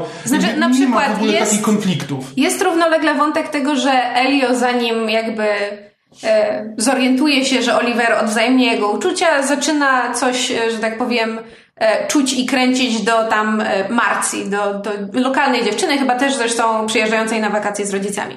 E, no i tam między nimi rozgrywają się różne amory, no i jakby mam wrażenie, że wszyscy tak naprawdę, może nie w całym mieście, ale wszyscy najbliżej, w najbliższym otoczeniu Elio i Olivera zdają sobie sprawę z tego, co między nimi jest w pewnym momencie, włącznie z Marcją, która jakby gdy Oliver i Elio się zbliżają, zostaje odsunięta na bok.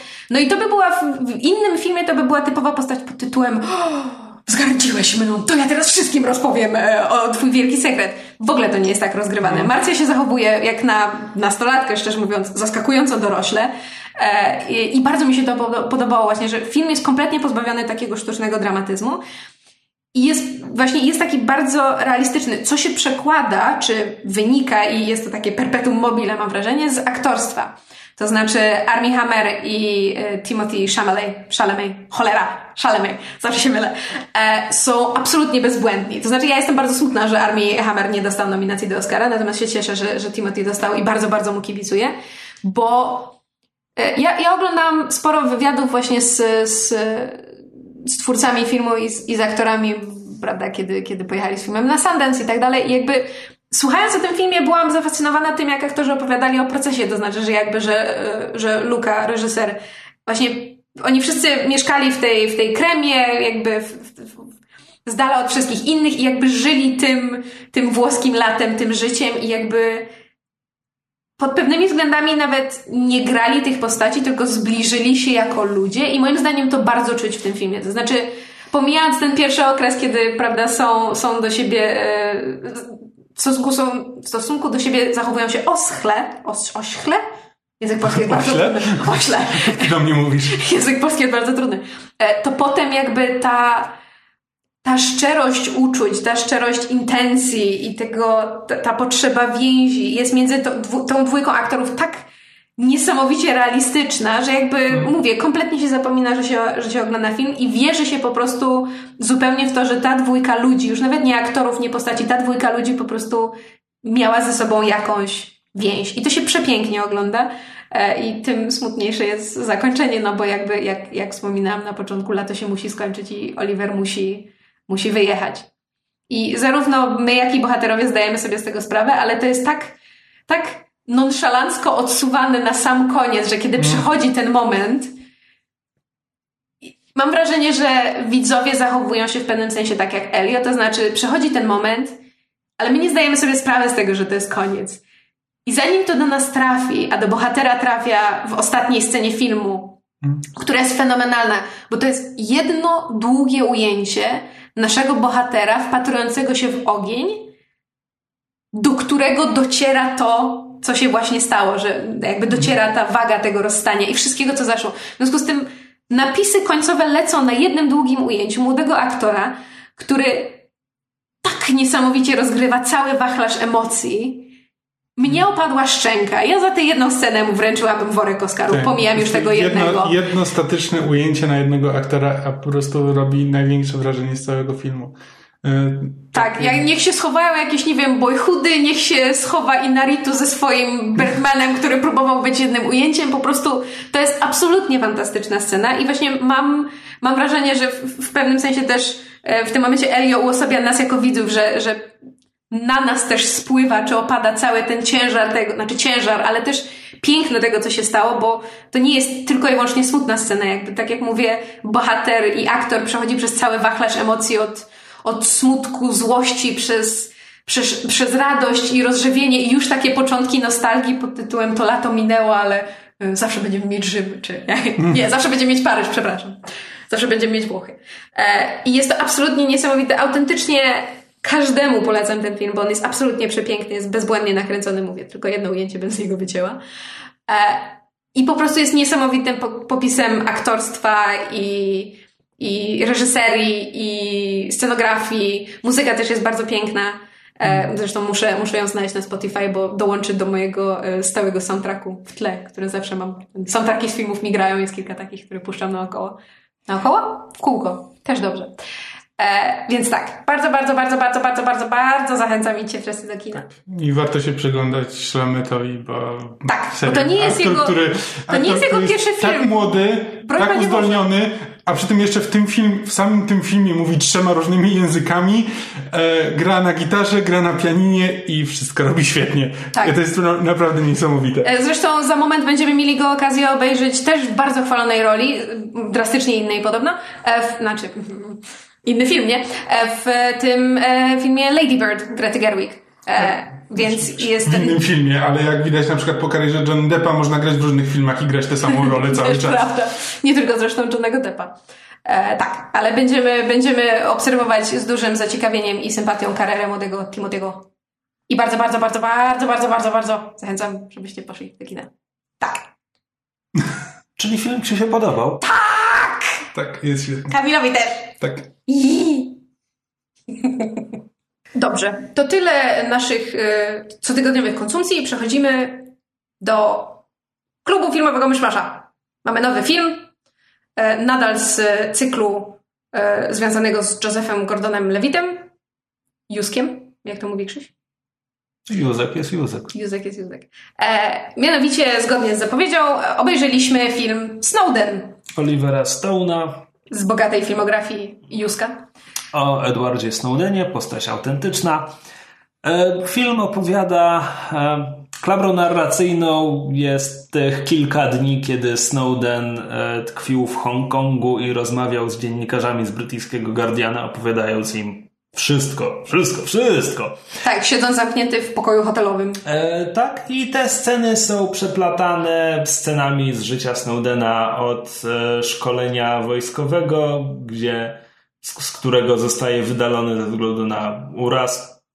Łamliwe kości. Tak, przez, przez to, jak zaczyna pracę dla, dla CIA. E, A potem NSA, a potem CIA, a potem tak się odbija, jak ta tak, piłeczka tak, tak, tak, tak. Plus jeszcze poznaje, poznaje dziewczynę, zaczynają razem mieszkać. Ta relacja jest bardzo burzliwa ze względu na jego pracę. Oraz jej liberalne po- poglądy.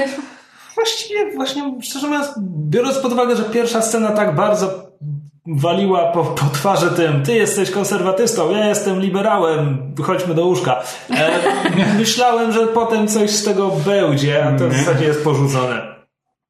E, tak, więc to jest, to jest zasadniczo film, no i film się kończy, kiedy historia wychodzi na jaw, to znaczy zostaje opublikowana przez Guardiana, a potem mamy już tylko taki krótki montaż praktycznie tego, co się dzieje potem, czyli to jak Snowden ukrywa się przed światem, próbuje uciec do Ameryki Południowej, ale ostatecznie ląduje w Rosji i tam został po dziś dzień.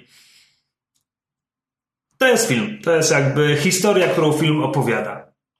Dodajmy, opowiadają słabo. Tak. To znaczy, ja naprawdę mam wrażenie, że ten półgodzinny wywiad, który John Oliver przeprowadził ze Snowdenem, powiedział mi więcej A. o tym, kim jest Snowden i B. o tym, na czym polegają te wszystkie amerykańskie programy szpiegowania nas w internecie i tak dalej. To znaczy, autentycznie dwugodzinny film nie jest w stanie.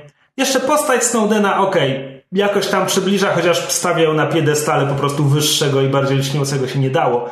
Natomiast film tak bardzo nie potrafi wyjaśnić tego, jak właściwie działa to całe amerykańskie szpiegowanie. Znaczy, mam On w wrażenie, ogóle ma problem z pokazaniem komputerów. Tak, znaczy w, w ogóle jakby mówię, że w ogóle e, pierwsze co za- zauważyliśmy to, że muzyka jest po prostu tragiczna. Znaczy muzyka to jest to, co jakby zapy, jakbyście zapytali swojego wujka, czego teraz słucha młodzież, to mniej więcej by wam wskazał taką muzykę, jako to, co mu się wydaje, że teraz prawdopodobnie tego słucha młodzież. Nie, nie, to jeszcze E. gorzej. To jest. E, wujku, jak myślisz, jaka muzyka powinna lecieć w filmie o młodym hakerze?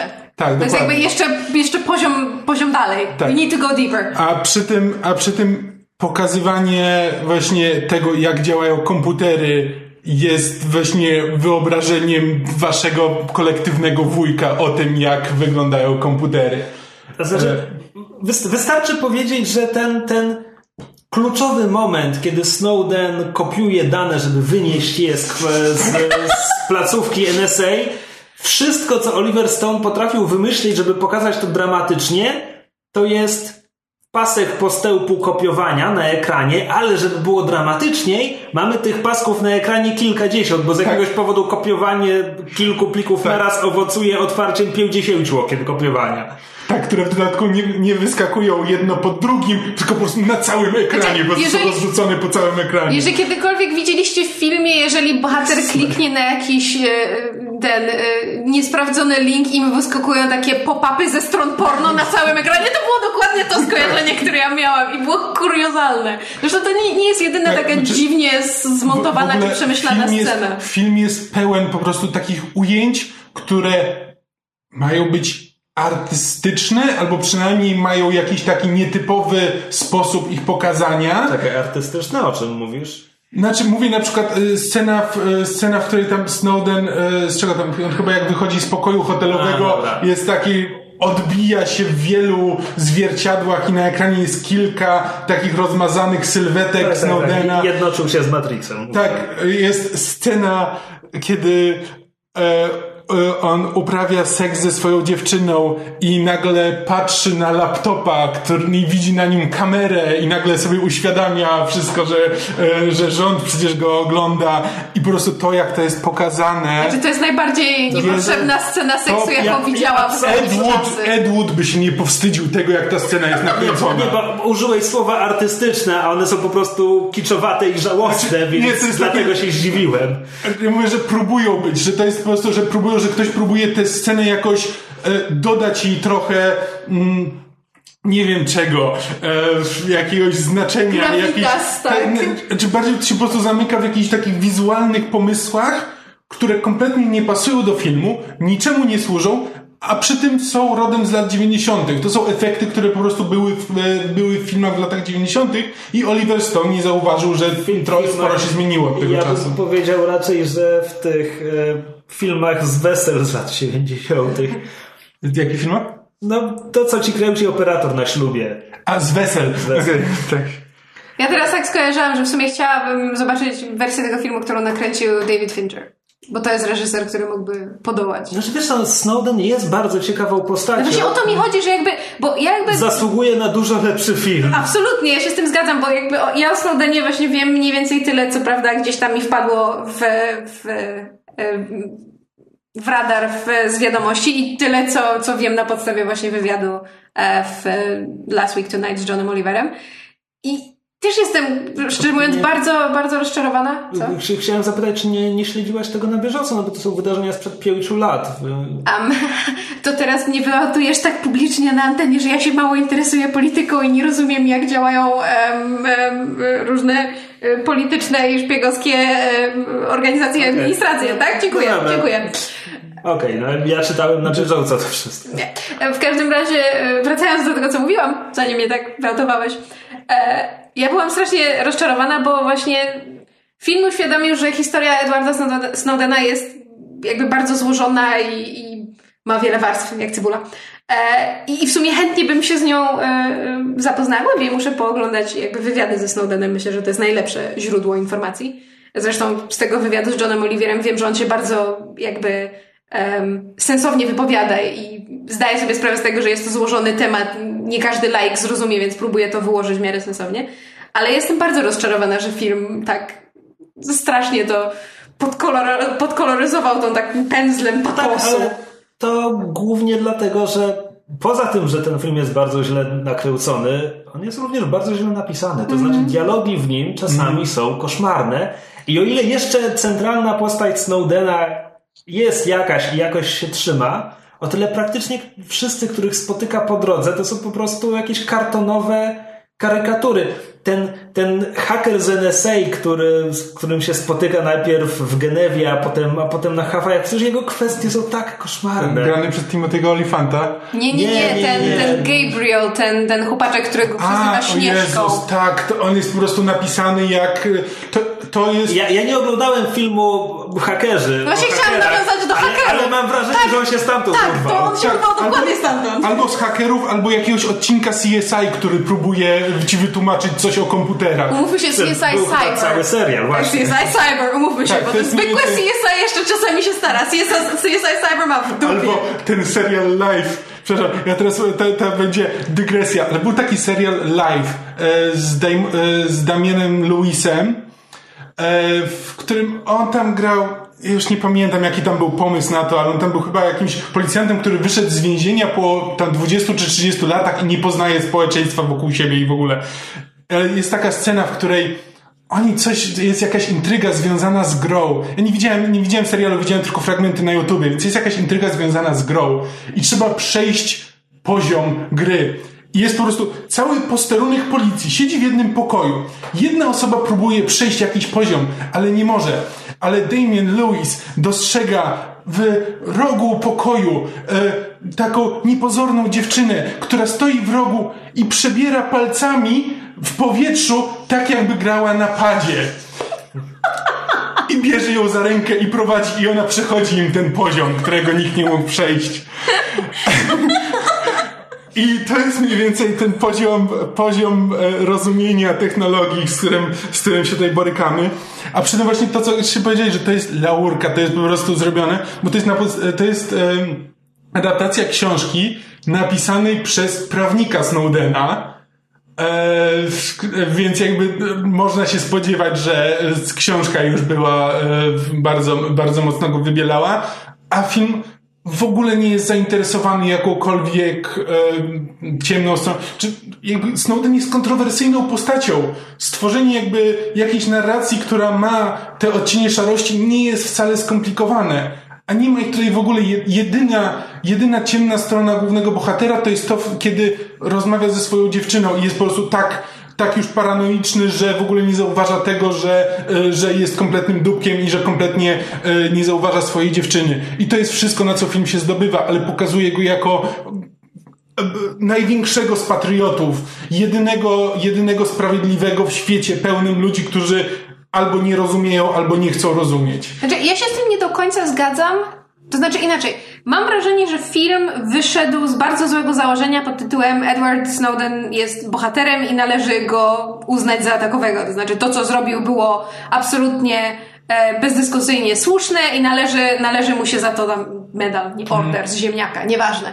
E, I myślę, że to było bardzo złe za założenie, żeby, żeby jakby bazowe, żeby z tego, z tego wyjść. Bo mimo wszystko mam, mam wrażenie, że w filmie są takie momenty, kiedy jakby po pierwsze e, Edward Snowden, jakby postać rzeczywista, jak się ogląda z nim wywiady, wiesz, ludzie, ludzie go oskarżali o to, że jest robotem, ale jakby nie bez powodu. On jest taki trochę zdystansowany, chłodny i odsunięty. I to film, mam wrażenie, pod wieloma względami e, e, oddaje. To znaczy, ja przez cały film miałam taki mały głosik z tyłu głowy pod tytułem kurde, ale on jest bucem.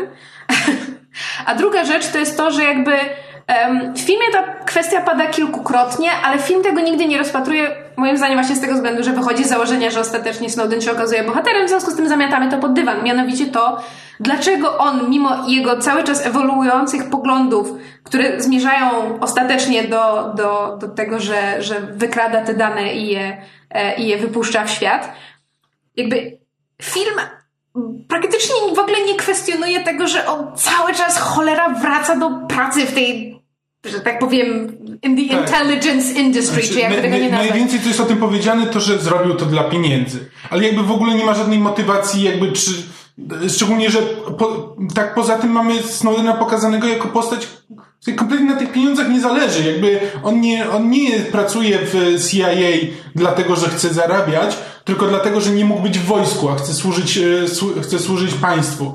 Więc jakby to jest główny, um, główna ta oś, jakby motywacja e, bohatera. A później mamy wspomniane na boku, że no on wracał do tego CIA, ale robił to dla pieniędzy. Ale dlaczego robił to dla pieniędzy? Znaczy tam film e... niby w jakimś stopniu to, to próbuje poruszać, no bo mamy tam w pewnym momencie dialog e, między nim a jego dziewczyną, że jakby, że w pewnym momencie ona mówi, że wreszcie mamy Wreszcie nas było stać na dom, który jakby, który nam się podoba, mieszkamy na takim poziomie, na jakim chcemy, ja mam pracę, którą lubię, jakby jesteśmy usytuowani, jest okej, okay, jakby czemu mielibyśmy to psuć. Natomiast to, co mi przeszkadza, to jest też takie, jakby sam bohater, jak na to, z czym musiał się zmierzyć pod względem swojej, moral, jakby swojej moralności i, i tego, czego dotyczy jego praca i jak to się ma w kontekście całego świata, jest postacią szalenie bezrefleksyjną, to znaczy dla mnie on jest szalenie naiwny, żeby nie powiedzieć bezmyślny w tym, że on cały czas wraca do, do pracy w kolejnych agencjach. Chyba gdzieś są przyświecającą mu myślą, bo to w filmie raz czy dwa pada, że, że no, ja liczę na to, że ten system się kiedyś sam naprostuje. Like, what kind of fucking moron are you? No jakby nie. Znaczy, wiesz, on jest na początku pokazany jako no wiem, no libertarianin, patri... jakby konserwatysta libertarianin i jakby e, to jest spójne z tym, że no może wierzyć, że no system, system działa i system sam się naprawi, bo... No tak, ale z drugiej ale... strony pe na pewnym etapie tak często pojawiają się sceny, w których on ma wątpliwości, albo film sugeruje, że on ma wątpliwości, chociażby w, w kontekście tego, że dowiaduje się coraz, coraz więcej, coraz głębiej wchodzi w ten, w ten cały spisek. Spisek. Tak, ale... I, I mimo to jakby mam wrażenie, że jest szalenie nierefleksyjny. Znaczy, tak, znaczy, poza tym film jakby zdaje się tego nie zauważać, bo są sceny, w których on się dowiaduje, że y, amerykańscy, bo, y, amerykańscy bohaterowie, amerykańscy obywatele są y, są śledzeni przez rząd i że na przykład sądy, te sądy Fajsa Fajka. Fajsa. E, to jest tylko podbijają jakby każde, e, w każdą prośbę o udostępnienie informacji po prostu podbijają bez żadnej e, dyskusji. I z tego korzysta. Jedyne, co się w filmie dalej z tego wynika, no to ktoś mu to, ten chyba jego um, mentor, tak. mentor przełożony, jakby mu wypomina, no, że ty tak robiłeś, my tak teraz robimy. I nic z tego nie wynika dalej w filmie. Jakby nie ma to nie jest żaden, żadna oś konfliktu dla bohatera, to, że on w to nie wierzy, ale z tego korzysta, to po prostu, no tak, no, no korzysta, znaczy... bo ratuje życia, no i przecież trzeba ratować życie. Wszystko jest zmiatane pod dywan, Nic, niczemu się nikt nie przygląda, nikt nie eksploruje tych tematów, tego, że to jest Y, hipokrytyczny. Czemu to jest hipokrytyczne? Czy może być, czy, czy nie? Nie, to jest po prostu, on jest bohaterem, więc no, on to robi, ale, ale nie chciałby, ale robi, bo życia trzeba ratować. Tak, i największy skutek, jaki to ma dla bohatera jest taki, że zaczyna mieć ataki epilepsji. Znaczy jakby mam wrażenie, że film próbuje zasugerować, nie wiem, spoiler, bo tak żeście się spojrzeli na siebie, spoiler. Nie. E, w każdym razie mam wrażenie, że film próbuje zasugerować, że po prostu, że wiecie, ten internalizowany stres tej właśnie hipokryzji, tej szarej moralności sprawił, że Edward Snowden zaczął ogóle napady tak nie odczytałem, Ja to tak może- odczytałam i dla mnie to było strasznie głupie, już pomijam, Znaczy, jak, jak, jak wizualnie są pokazane te ataki, które on ma. On zasadniczo w filmie ma dwa ataki i ten drugi jest tak po prostu pod względem tego, jak został nakręcony, jest tak. To, to, to jest po prostu łaska boska na niego spływa, a nie atak epilepsji. Zwłaszcza, że to jest w tym momencie fabuły, gdzie on zaraz potem pójdzie wykraść te dane. Więc to naprawdę wygląda trochę tak, jakby to jakaś, wiesz... Dron spadł z nieba i to był Jezus. Tak. Przepraszam, anioł zbawienia. Słuchajcie, Jezus- słuchajcie głosu Pana. Jezus zejdzie na ziemię na dronie. Grill gorejący się odezwał. O Boże. Tak, więc jakby, je, no nie jest No to więc, dobry więc, film. więc tyle film, tyle Oliver Stone. Źle napisane, źle nakręcone. Natomiast aktorzy. No właśnie, bo oglądamy w ramach cyklu z, z Juskiem, więc... Tak, więc mamy, mamy Josepha Gordona Levita w roli Snowdena, do którego ja bym wrócił na końcu. Dobrze. Bo mamy też w rolach drugoplanowych plejady Mnóstwo- dobrych i bardzo dobrych aktorów. Tak. Więc jego dziewczynę Lindsay gra Shailene Woodley, która powiedziałbym, że ma bardzo niewdzięczną rolę, bo ten scenariusz się nią nie interesuje. Ona jest, Ona jest Tak, bad ona to jest, to jest praktycznie ten stereotyp tej żony, dziewczyny, partnerki, która tylko jakby myje głowę bohaterowi. To jest...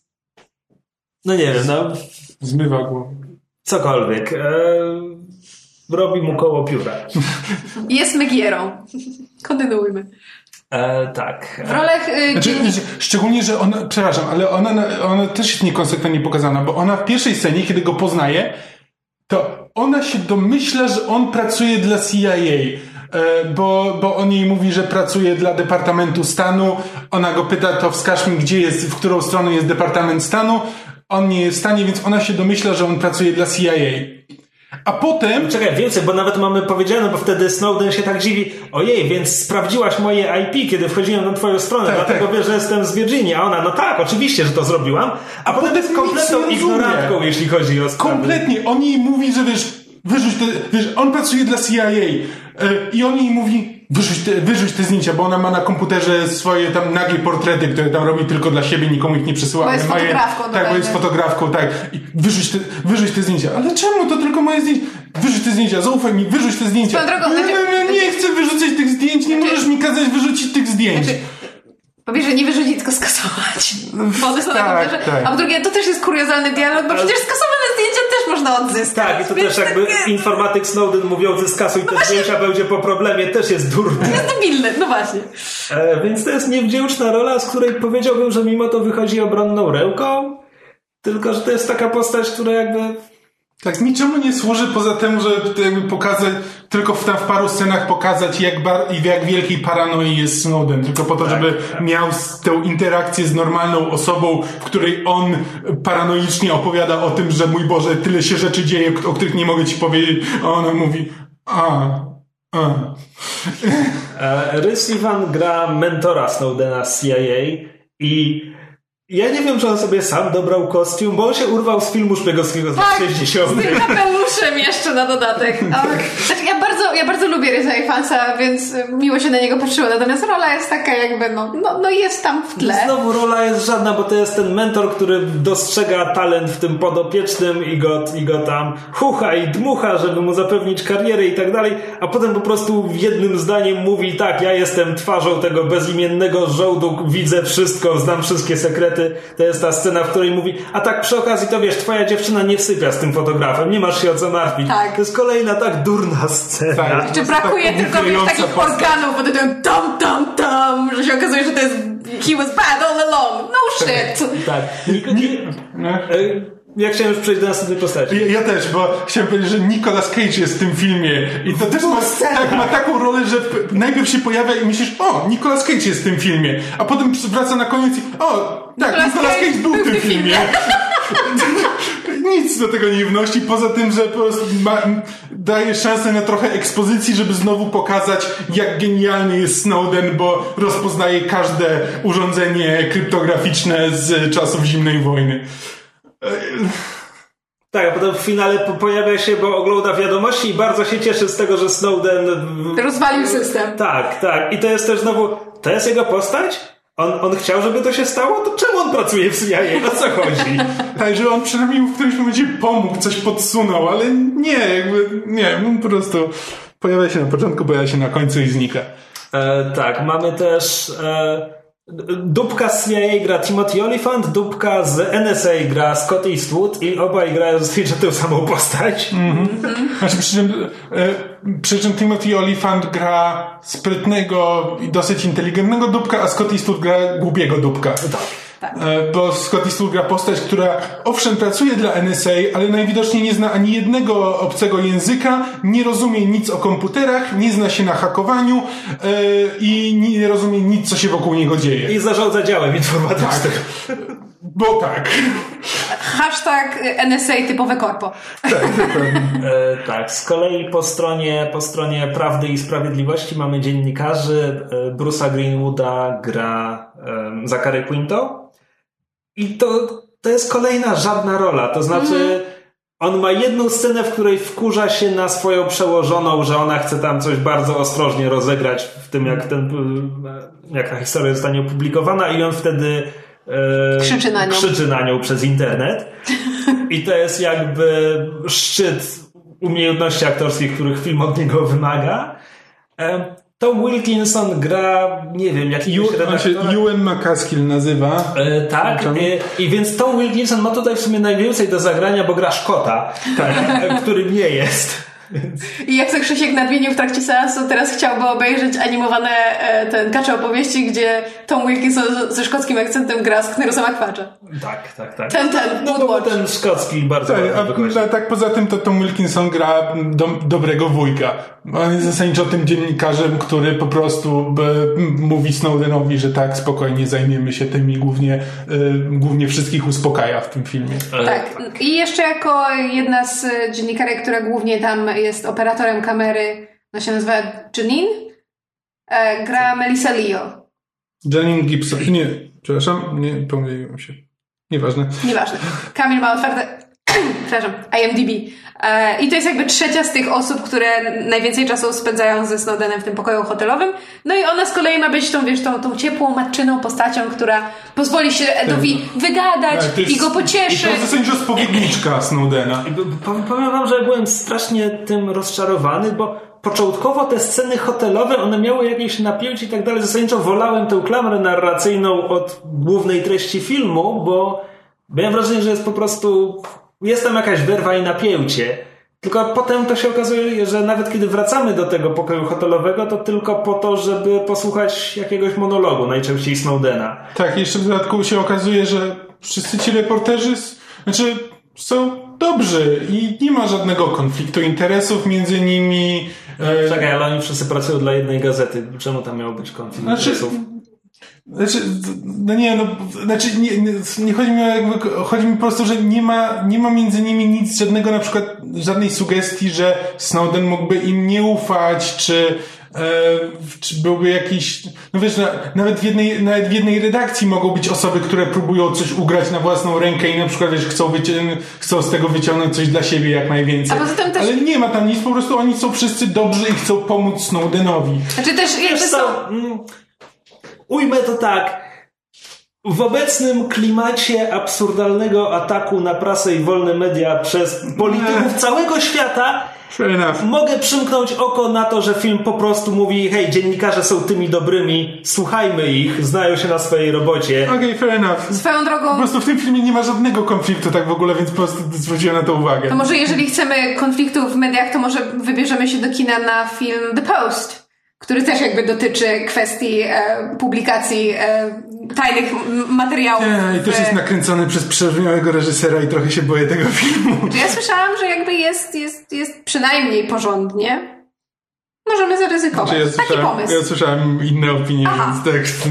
No dobra, ale wracając, wracając do Snowdena, możemy w końcu przejść do Josepha Gordona Levita, bo omówiliśmy chyba wszystkich innych aktorów. Mhm. I kurczę, ja bym nie pomyślał, że on jest takim kameleonem, ale. Prawda? Zwłaszcza w scenach hotelowych, kiedy jeszcze ma ten charakterystyczny taki zarost na brudce.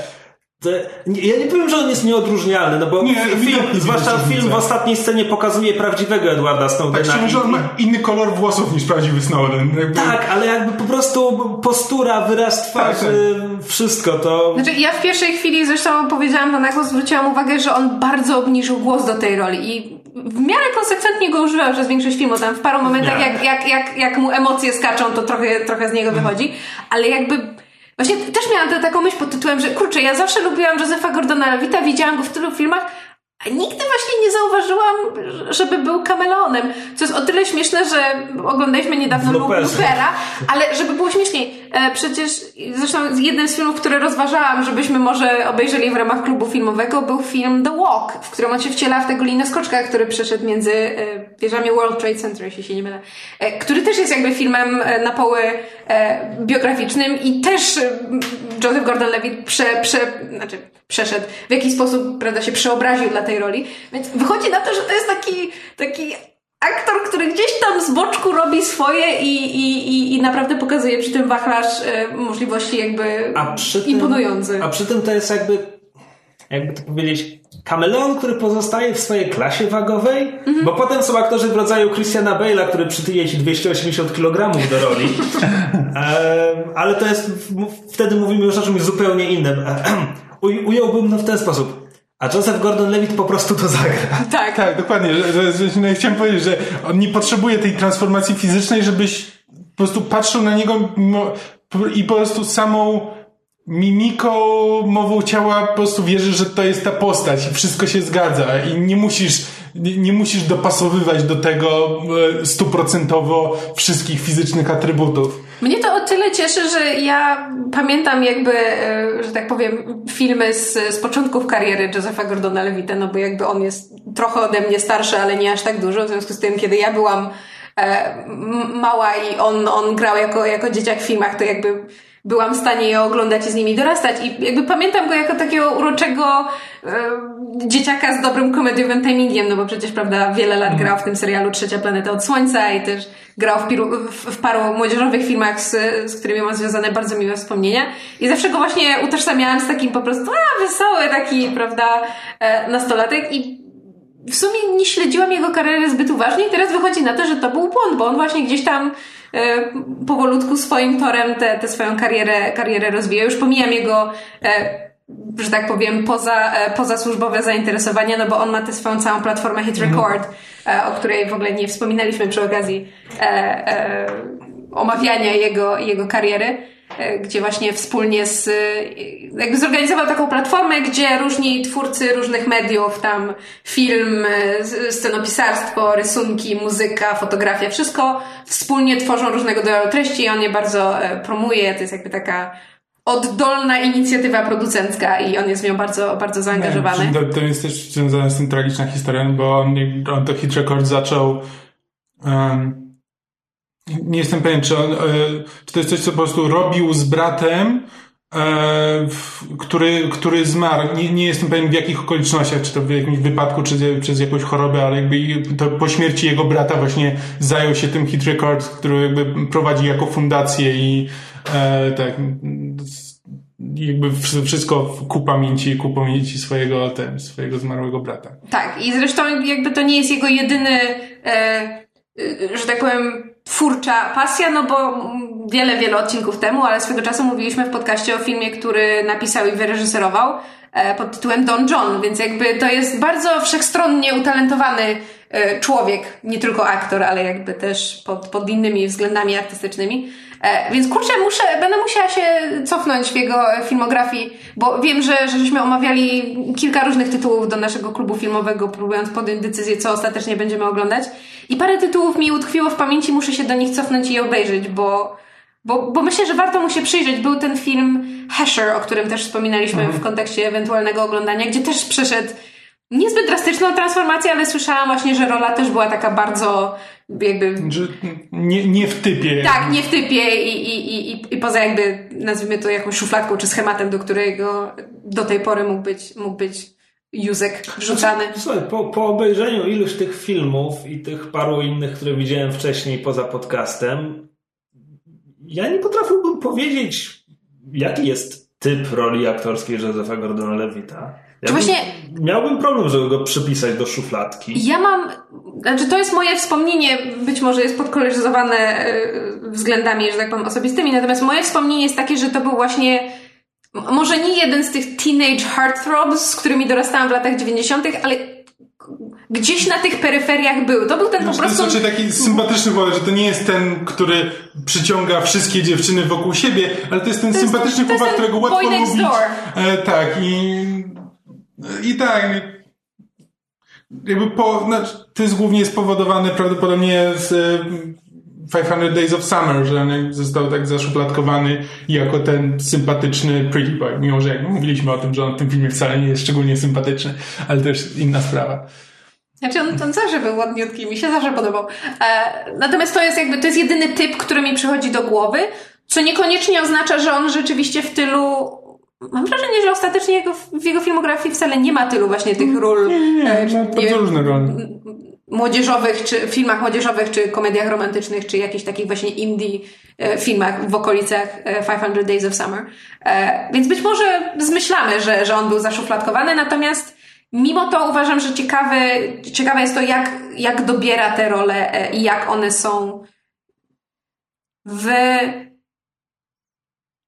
subtelnie różne od siebie, bo mimo wszystko jego występ tutaj jako, jako Edward Snowden, pomijając, że Snowden sam sobie jest taką osobą dość jakby chłodną i taką spokojną, żeby nie powiedzieć robotyczną, e, to, to to nie jest jakby taki właśnie, to nie jest um, szeroki występ, gdzie jakby wiesz, gramy do tylnych rzędów. To jest takie bardzo spokojne i fakt, że mimo wszystko w tym właśnie takim bardzo oszczędnym występie e, Joseph Gordon-Levitt był w stanie odnaleźć jakieś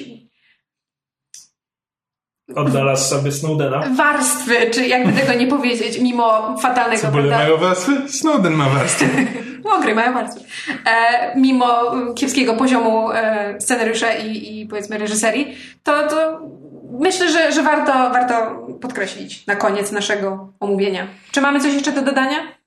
Czy to wszystko? Trochę obok tematu zastanawiam się, czy ktoś już zrobił trzy filmy o Chelsea Manning. Bo o Snowdenie jest więcej niż jeden. Um, a myślę sobie, że Chelsea Manning też byłaby ciekawą postacią. To ja teraz się popiszę brakiem wiedzy o świecie. Hu? Chelsea Manning, e, urodzona jako Bradley Manning, e, żołnierz, który przeka przekazała dane do Wikileaks, nagrania z Afganistanu. To jakbyś powiedział Wikileaks.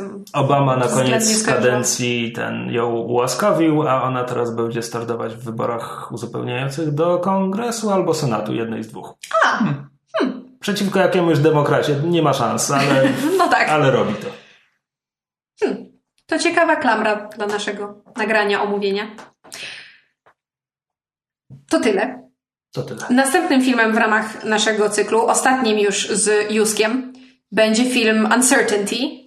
E, wybrany e, niestety, z tego co wiemy, nie ze względu na jego wielkie walory e, artystyczne czy jakościowe, ale z tego względu, że nam potem ładnie się wpasuje w kolejny cykl, który nas czeka, czyli to jest cykl filmów pod parasolem Predestynacja versus Niepewność. Więc to jest kolejny film, który za dwa tygodnie będziemy oglądać i omawiać. Jeżeli macie ochotę obejrzeć go z nami, to zachęcamy. Uncertainty. I to tyle w tym tygodniu od nas. Dziękujemy Wam bardzo za uwagę. Tak, i jak zwykle możecie się z nami skontaktować albo na Facebooku i tam zostawić komentarz, albo napisać jakąś wiadomość. Jesteśmy tam jako Myszmasz Podcast Popkulturalny, albo na Twitterze małpa Myszmasz Podcast. Możecie... Na maila myszmaszpodcast.gmail.com Możecie też zawsze komentować na naszej stronie myszmasz.pl pod odpowiednimi odcinkami lub możecie też komentować na YouTubie Podsłuchamy, gdzie tak. kolejne odcinki Myszmasza wychodzą. E, ja w miarę regularnie, w przeciwieństwie do naszej strony na YouTube zaglądam i sprawdzam, czy ktoś coś napisał. Staram się to w miarę aktywnie udzielać, więc bardzo zachęcam. Gdziekolwiek w internecie nie wpiszecie myszmasz, to jakoś się z nami skontaktujecie. Tak jest, do czego gorąco zachęcamy, bo bardzo lubimy od Was słyszeć i Was czytać. I to tyle na dziś. Dziękujemy bardzo i do usłyszenia za dwa tygodnie. Cześć! Na razie. Cześć.